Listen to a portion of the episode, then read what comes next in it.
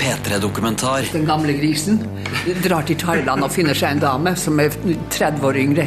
Helt greit. Det er vel det at de er redd for at han skal bli igjen i Norge, da. Eller eh, at de vil gå seg inn og beskytte unge, dumme, naive norske jenter. Det er vel ikke alle heller som er kjempehappy for å få politiet på døra klokka sju om morgenen, eller?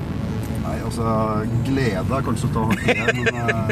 Det er ingen som blir mer sjokkert enn nordmenn som kommer hit og har hatt med UDI og UNE å gjøre. De har bakoversveis alle sammen. For Fattig for Norge er en P3-dokumentar om når kjæresten blir nekta ferie i Norge. Av meg, Vebjørn S. Espeland.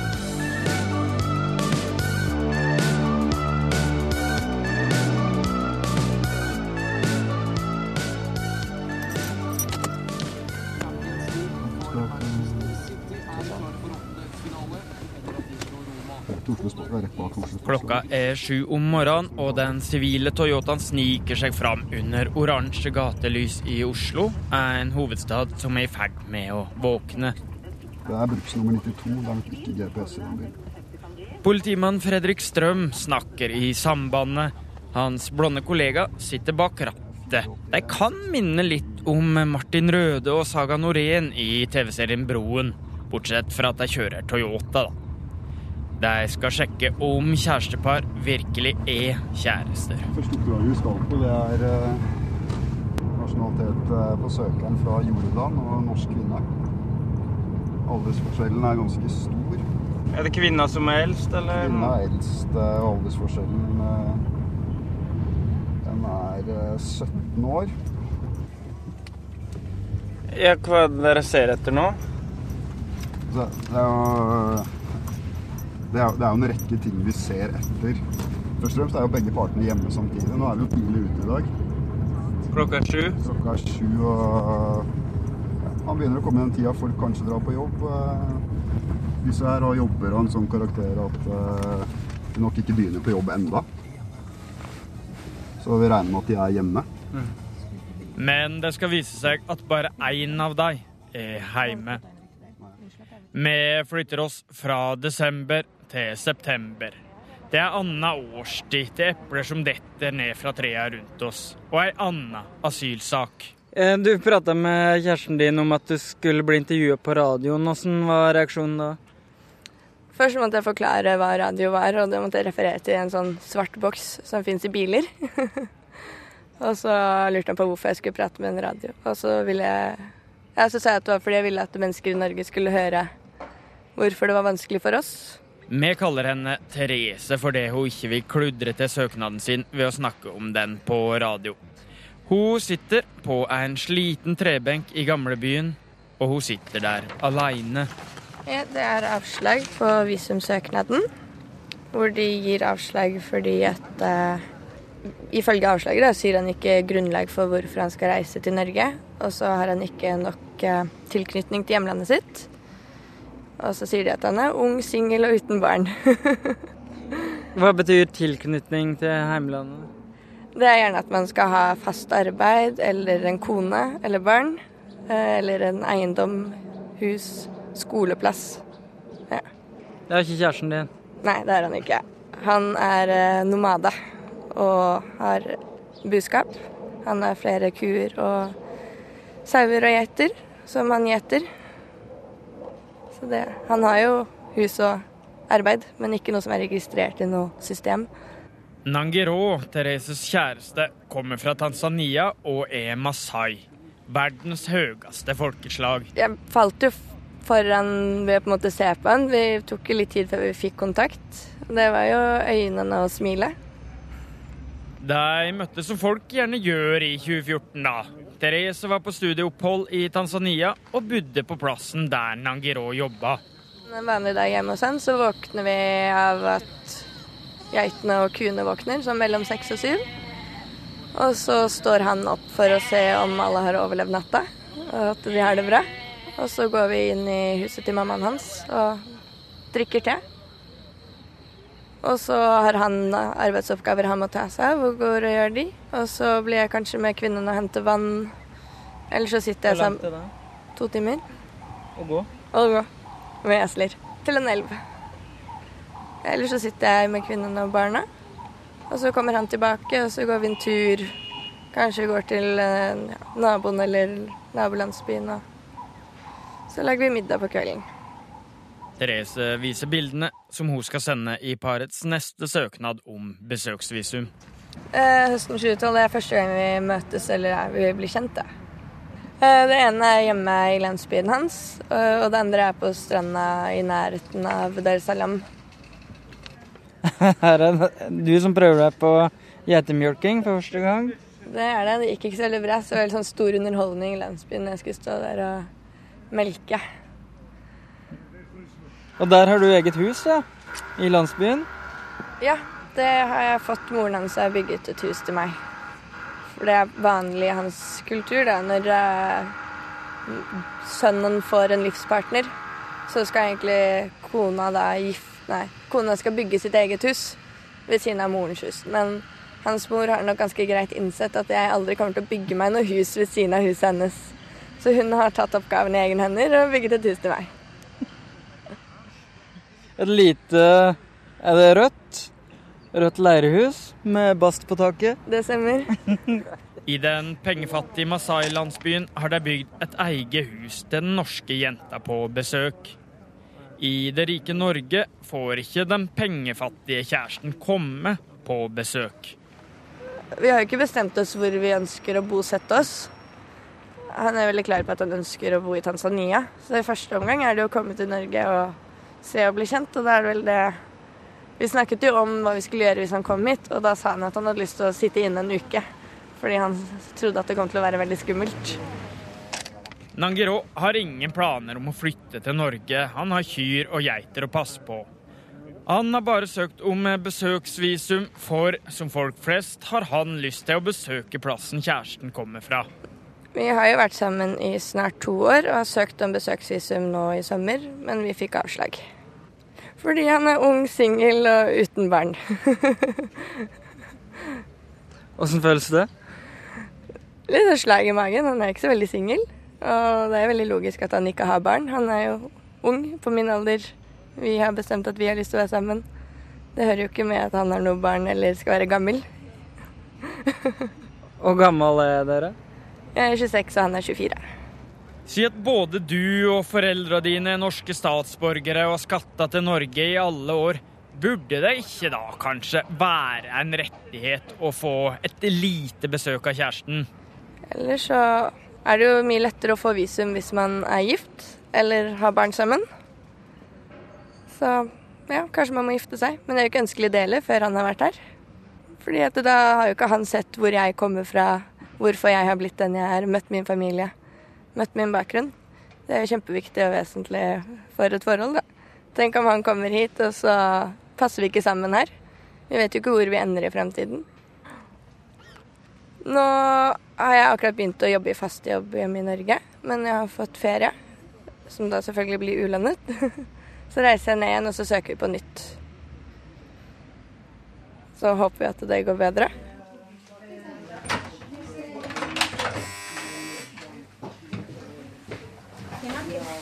Que habla con ella, que dice que está súper liada, pero solo para preguntarle una cosa que me decía. Hei, Bjørn Espeland. det er meg. Hyggelig. Du, nå skal jeg se hvor Jeg tror vi tar møterommet. Bare sitt ned to minutter, så skal jeg Null problem. Mens Therese pakker og drar til Tanzania for å søke om nytt besøksvisum, så er jeg hos organisasjonen SEIF, Selvhjelp for innvandrere og flyktninger. Her yrer det av språk, nasjonaliteter og stressa medarbeidere. Og jeg møter Gerd og Georg eh, på hver sin side av yrkesaldersskalaen. Han er 28 år og har jobba her i ni av dem, og hun har jobba enda lenger. Jeg, startet, jeg var med å starte SAFE for 29 år eh, siden. Det jeg har sett på disse 29 årene, er en stadig innstramming, innstramming. Færre og færre skal, kom, skal få komme. Færre og færre skal få bli. Flere og flere skal ut. Det er, blir, det er ingen som blir mer sjokkert enn nordmenn som kommer hit og har hatt med UDI og UNE å gjøre. De har bakoversveis alle sammen. Det er ingen som har forestilt seg det før de havnet oppi det. Alle land hvor norske myndigheter mistenker at vedkommende som kommer hit, vil ønske å bli igjen i Norge, så er det bare å glemme å få besøksvisum. De fleste land i Midtøsten, de fleste land i Afrika, ganske mange land i Asia. Norske myndigheter er veldig mistenksomme for personer som ønsker å komme på besøk hit. Tror dere at det finnes kjærlighet da, mellom to så forskjellige kulturer? Hvorfor i all verden skulle de ikke kunne gjøre det? Det har jo skjedd til alle tider at folk har forelsket seg på tvers av kulturer, på tvers av klaner. Altså, forelskelser skjer. Uavhengig av oppholdstillatelser, uavhengig av UDI og UNE. Som om de bor på asylmottak, om de er norske, om de er innvandrere, om de har reist på ferie et sted. Altså. Ja, folk eh, forelsker seg i de umuligste situasjoner. Eh, Det, kan vel jeg, det er jo et levende bevis for. Min mor okkupert og min far okkupasjonssoldat. Til og med da, ikke sant? Mm. Så det her Og fra Romeo og Juliet til i dag, så Folk forelsker seg. Hører dere alltid på P4, eller? Hører alltid på P4. Godt poeng. Erkefienden. Forrige sjåfør som har stilt inn radioen. Vi kan jo switche over. Men der vi skal til nå, det er, dame er dama etnisk norsk og mannen som er 17 år yngre er fra Jordan, var det sånn? Det stemmer. Og- Ja, Åssen føles det da? Sånn å ringe på nå og, komme inn i ekterommet klokka sju om morgenen? Altså man eh, kan si Vi har positive erfaringer med kontrollene våre jevnt over, og det gjør jo å gå inn i leiligheter mye lettere. Eh, Veldig mange syns dette er mye mer, mindre inngripende enn å komme til det som oppfattes som et, eh, som et avhør hos oss og sitte i mange timer. Det er vel ikke alle heller som er kjempehappy for å få politiet på døra klokka sju om morgenen, eller? Nei, altså Glede er kanskje å ta hardt i men eh, Men, men vi prøver å være Vi har en veldig myk tilnærming til det. Vi, vi fokuserer alltid på at vi spør om å få lov til å komme. Spør om de vil vise oss de forskjellige tingene. Går gjennom litt sånn uh, felles aktiviteter. Snakker med dem om litt ferier. Ser etter med naturlige eiendeler som bør høre hjemme på en adresse hvor det bor to personer. Hva er naturlige eiendeler? Det er litt avhengig av hvorvidt partene er der eller ikke. Hvis begge er der, ser man etter pass, førerkort, mobiltelefon, bilder, brev, post. Klær. Bør de ha samme seng? Det, det man lærer av kontrollen, er at det fins utallige former for samliv. De kan jo være ganske forskjellige i natur. Hvor ofte uh, er dere bortpå i senga og kjenner om den er varm? Aldri. Hånda på hjertet? Hånda på hjertet.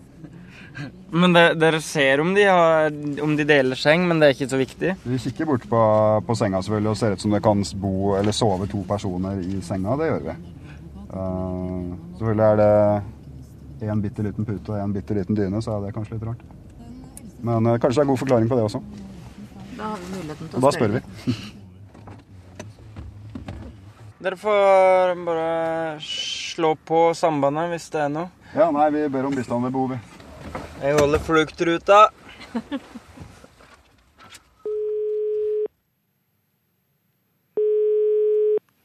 Hallo.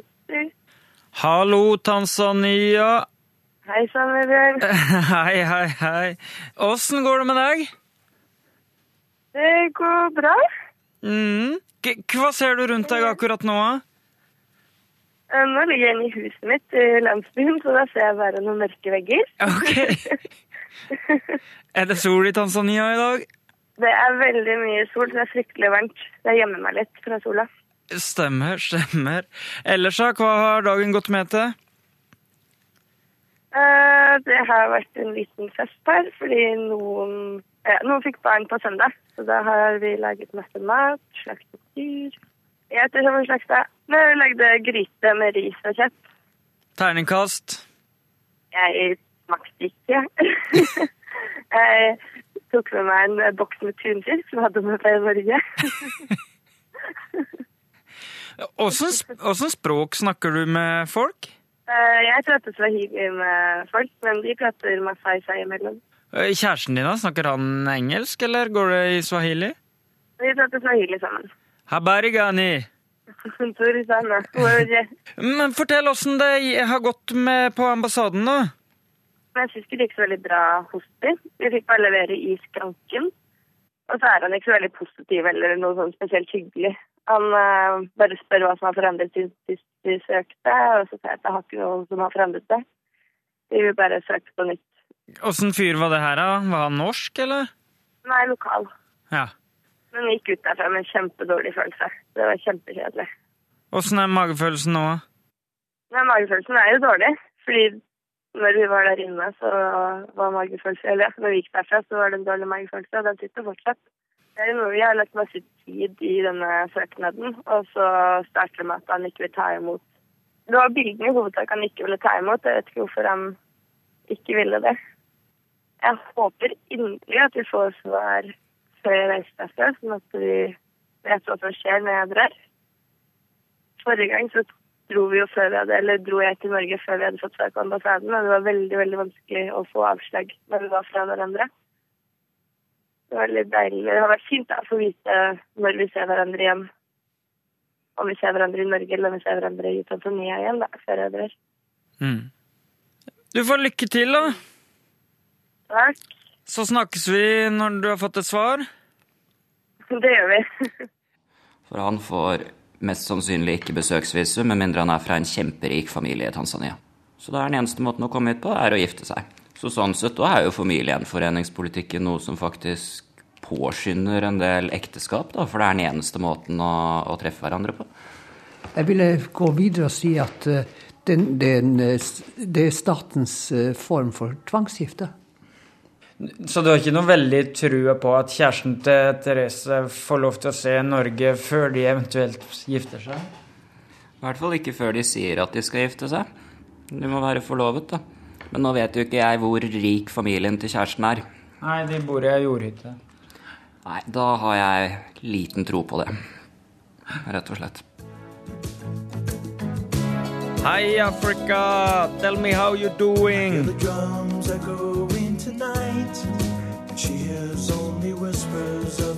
Quiet conversation.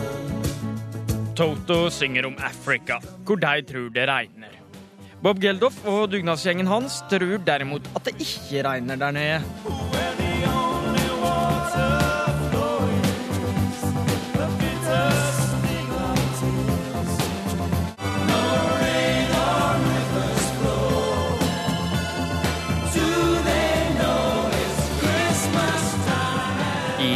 Geldof, de veit at det er jul, for kristendommen den blei statsreligion i Etiopia i år 330 altså 700 år før Norge.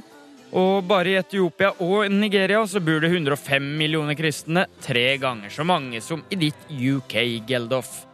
Og No Rivers Flow? Nja, hvis du ser bort fra Nilen og Kongoelva og en del av de andre verdens lengste elver, da. Men vi skal gi Geldof litt slack fordi han tross alt bare ville hjelpe under en av verdenshistorias verste sultkatastrofer. UDI og myndighetene i Norge de veit derimot antageligvis ganske masse om Afrika. Det er ikke kunnskapsløse som gjør at uh, afrikanske kjærester ikke får komme til Norge. Men hva er det, da? Er det gjerrighet? Er det frykt? Er det rasjonalitet? Jeg drar til Utlendingsdirektoratet UDI og møter Rolf Antonissen, som jobber med regelverket for familiegjenforening. Hvor stort problem er det at folk som er for besøksvisum, hopper av da og blir igjen i Norge? Vet du hva, Det har jeg faktisk ikke noen uh, gode tall på. Nei, For det fins ikke statistikker på? Nei. Er ikke det litt rart å utforme et regelverk på ting en ikke har statistikk på? Jeg, jeg, altså, jeg tenker vi, vi, forholder oss her til uh, Vi har jo en Schengen-praksis på dette her. Nå er ikke jeg en del av intervjuet her, men nå kan jeg bare få mm. legge til det med tall. For det er jo ikke, det er jo ikke noe grensekontroll. Eh, så det går jo ikke an å mm. Vi kan ikke ha tall på det når ikke det er noe Nei, det grensekontroll innenfor Schengen. Nei. Uh, organisasjonen Selvhjelp for innvandrere og flyktninger, altså SEIF, mener at nordmenn som har, har kjæreste fra de fleste land i Midtøsten, Afrika og Asia, bare kan glemme å få besøksvisum mm. til kjæresten. Ja. Hva tenker du om det? Det kommer jo eh, an på hvilket land man kommer fra, men, men kommer man fra et av de landene med størst utvandringspotensial, så er terskelen veldig høy. Eh, så det har de rett i, at det kan være vanskelig. En litt sånn pengefattig Masai eh, fra Tanzania. Hva er sjansen for at han kan få besøksvisum til Norge? Siden jeg, og da må jeg ta Ung og ugift, en sånn liten timeout, fordi at siden jeg vanligvis ikke jobber med besøksvisum, så må jeg sjekke praksisnotatet. Hvor sjekker du det? Nei, kjempefint. Ja. Og det kan også alle andre egentlig gjøre. Um, nå går jeg inn på udiregelverket.no. Den har vi der. Dette her er da oransje gruppe, eh, som eh, hvor Kenya ikke ser ut til å være Tanzania. nevnt. Da går vi tilbake igjen her. Eh, rød gruppe, og der uh, mange av de store Afghanistan, ja. Kongo, Eritrea, Etiopia, Irak. Her lukter det krig lang vei. Ja, Nord-Korea. Der har du Tanzania på gul. Vi, ja, der har vi Tanzania på gul. Uh, og da kan man gå ned på kjærester. Og da sier man at for at vi skal innvelge visum til denne gruppen, må forholdet være etablert, og søkeren må sannsynliggjøre at vedkommende har til hensikt å returnere etter endt besøk. Mm. Så skulle det være gode sjanser, da, egentlig, for Tanzania? For Tanzania så burde det være, absolutt være gode sjanser hvis ikke det er noe Men når du ikke har jobb med annet enn sånn kyr, f.eks., så er det kanskje litt vanskeligere, da? Det vil jo være et arbeidsforhold som man ikke kommer til å tillegge veldig stor vekt. Altså som ikke kommer til å være sånn at man tenker det må personen nødt til å dra tilbake til. Og da må det være andre forhold eh, som gjør at eh, vi tror på dette her, og at man har f.eks. et veldig etablert eh, kjæresteforhold.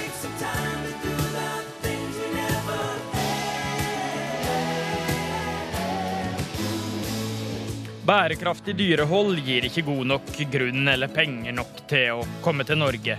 Og forholdet til Therese og Nangero er tydeligvis ikke etablert nok. De har bare vært sammen i to år. Åssen gikk det? Det er ikke alltid like lett å finne riktig leilighet. Nei. Og... Det tok ca. 40 minutter. Ja, men du kan si i 20 minutter gikk jo med til å finne ut av faktisk hvilken leilighet vi skulle gå inn i også. 01, dette er India 60. Vi er ferdig i og drar videre. Ja, så her traff vi den ene parten hjemme. Mannen. Kona. Kona. Eller kvinnen. Hadde en Hun uh, syntes det var hyggelig at vi kom på besøk, selv om hun syntes det var litt tidlig på morgenen. Uh, viste oss rundt i leiligheten. Forklarte at mannen var dratt på jobb. Så vi ringte han også bare for å bekrefte det hun sa. Han ble veldig engstelig når vi ringte og lurte på hvorfor politiet ringte så tidlig på morgenen.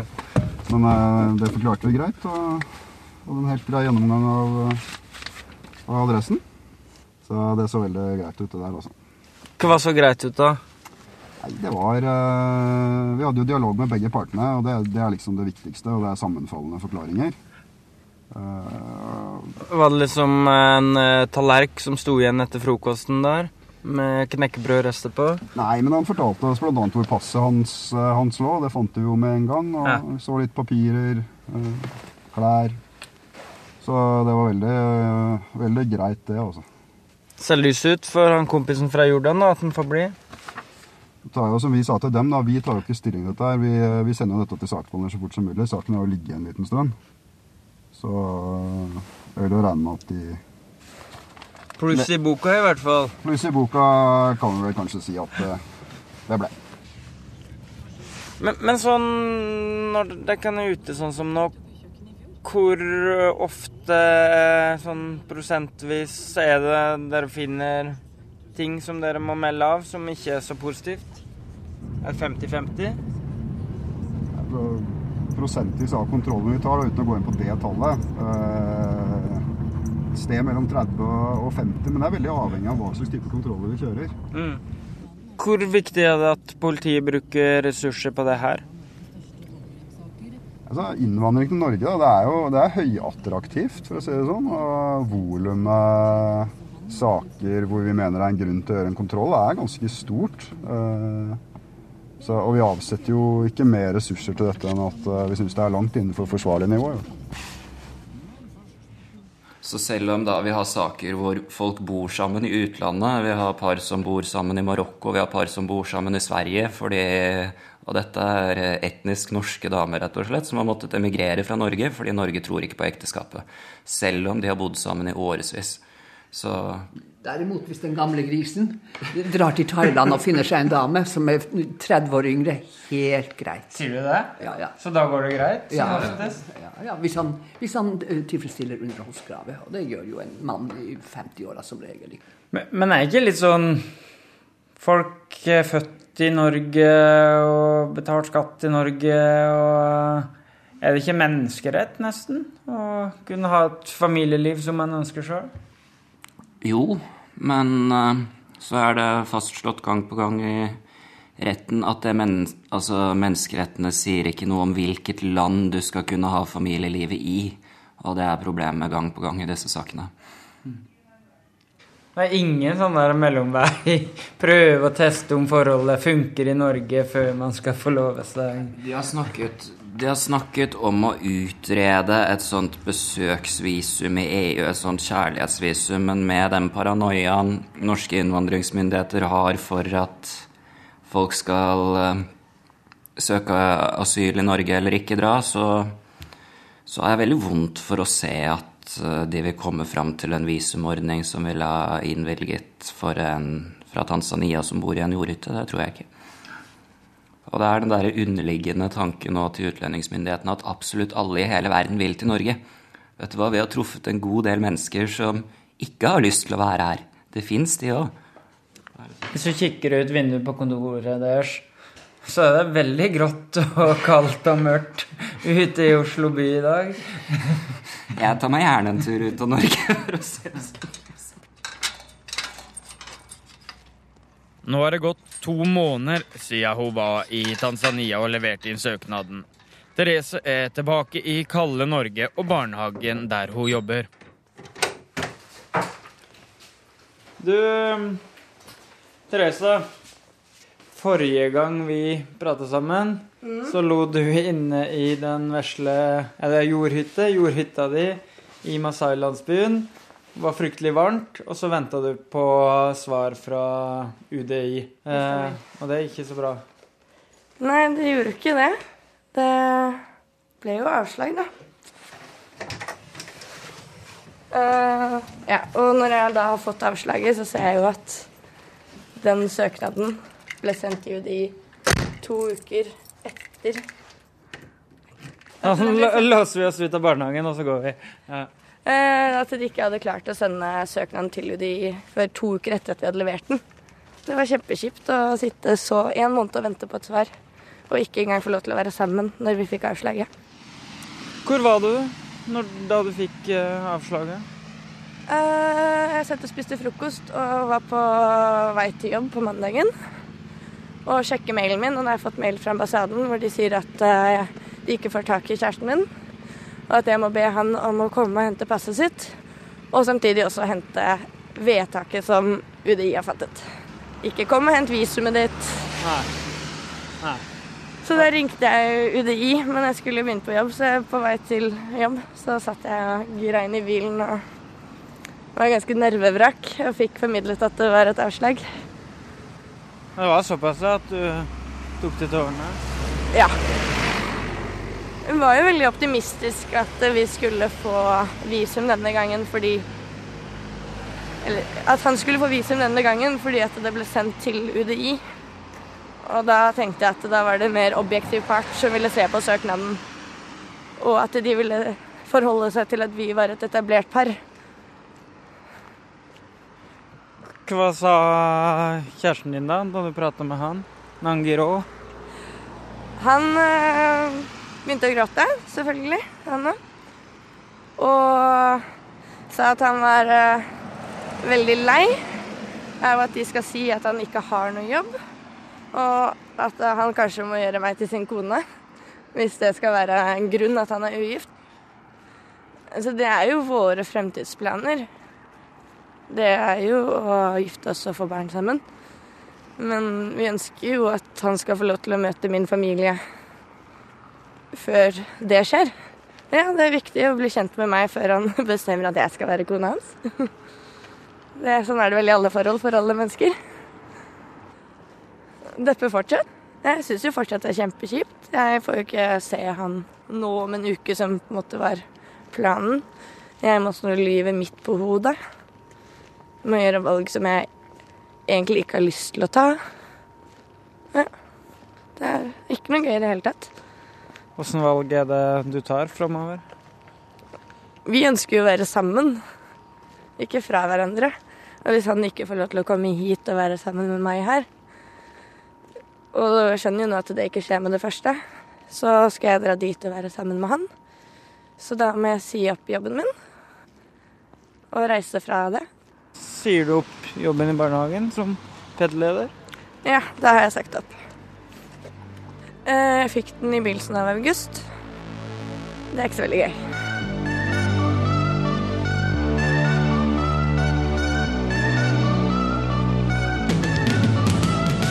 P3-dokumentar søndag klokka ni på P3 og når du vil på p3.no.